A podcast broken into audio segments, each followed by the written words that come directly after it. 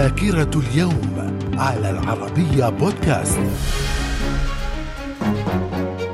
أهلا بكم ومن ذاكرة الأول من مارس في العام 1498 فاسكو دي جاما يصل إلى موزمبيق في طريقه إلى الهند. وفي العام 1565 تأسيس مدينة ريو دي جانيرو والتي تعد أكبر المدن في البرازيل. في العام 1811 حاكم مصر محمد علي باشا يقضي على بقايا المماليك بمجزرة رهيبة عرفت بمذبحة القلب القلعة. من الذاكرة. ومن ذاكرة الأول من مارس وفي العام 1896 القوات الإثيوبية تهزم القوات الإيطالية الغازية هزيمة مروعة في معركة العدوى. في العام 1912 الأمريكي ألبرت بيري يقوم بأول قفزة بالمظلة من الطائرة. من الذاكرة. ومن ذاكرة الأول من مارس في العام 1942 انتهاء معركة معركة جاوة بهزيمة القوات الأمريكية على يد القوات اليابانية وتعد هذه الهزيمة من أكبر الهزائم التي تلقتها الولايات المتحدة في تاريخها. وفي العام 1947 صندوق النقد الدولي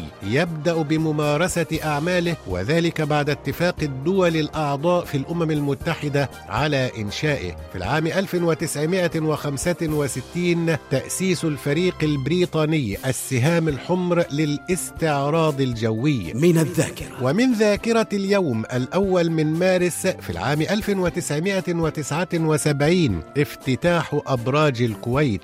وفي العام 2014 مجلس الاتحاد الروسي يوافق على طلب الرئيس فلاديمير بوتين استخدام القوة في الأراضي الأوكرانية بعد تصاعد نسبة التوترات بشبه جزيرة القرم. وفي العام 2016 عشر الحكومة الأردنية تعلن مقتل رجل أمن أردني وإصابة عناصر أمن آخرين خلال اشتباكات بين مسلحين ينتمون لتنظيم إرهابي ورجال الأمن استمرت لساعات في مدينة إربد شمال المملكة. من الذاكرة. إلى اللقاء.